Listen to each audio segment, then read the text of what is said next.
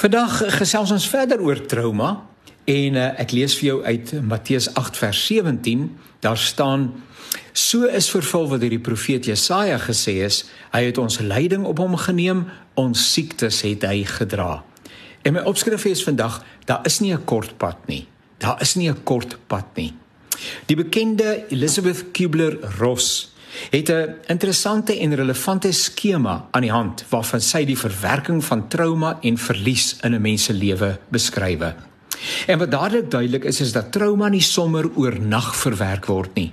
Die fases wat beskryf word is ook nie noodwendig lineêr, 'n reguit lyn sodat jy wanneer jy by al die stasies aangedoen het, die trauma vir altyd afgehandel is nie. Nee, soms keer 'n mens terug na die vorige fases voordat jy weer jou pad vind. Ek noem daai verskillende fases hier net ter wille van die belangrikheid en die relevantie daarvan. Die eerste fase is ontkenning en in hierdie fase dring die werklikheid nie tot die persoon deur nie. Die lewe maak nie sin nie en jy wonder hoe jy daarmee sal aangaan. Dis 'n belangrike fase wat 'n mens voorberei vir die res van die reis, ontkenning. En dan is daar die volgende fase, woede, waar jy natuurlik jou woede uitdruk teenoor enige party wat dalk verantwoordelik gehou kan word, selfs as hulle al is hulle onskuldig. Woede en die belewing daarvan is 'n gawe en moet nie ontken of veroordeel word nie. Die volgende fase is onderhandeling en in hierdie fase word denkbeeldige ooreenkomste gesluit as die situasie net omgekeer kan word.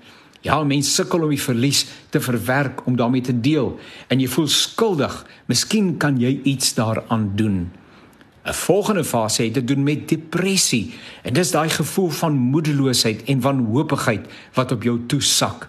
Die gevoel van depressiwiteit is nie 'n teken van een of ander psigiese afwyking nie. Nee, dis die noodwendige gevolg van die werklikheid waarmee ons gekonfronteer word.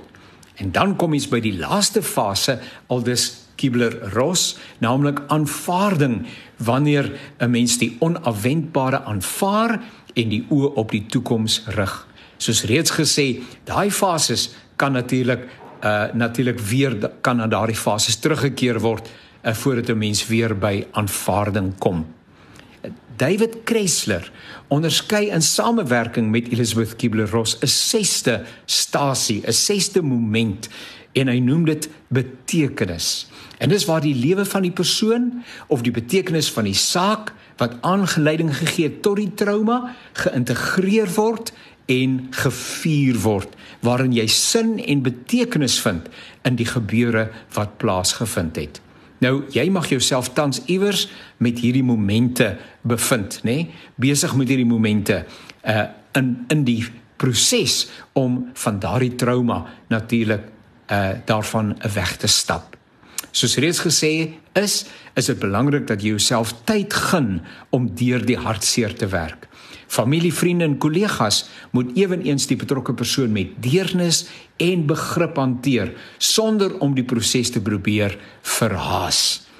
Uh mag dit met jou goed gaan en nogmals baie baie sterkte as jy tans in so 'n traumatiese tydvak in jou lewe is.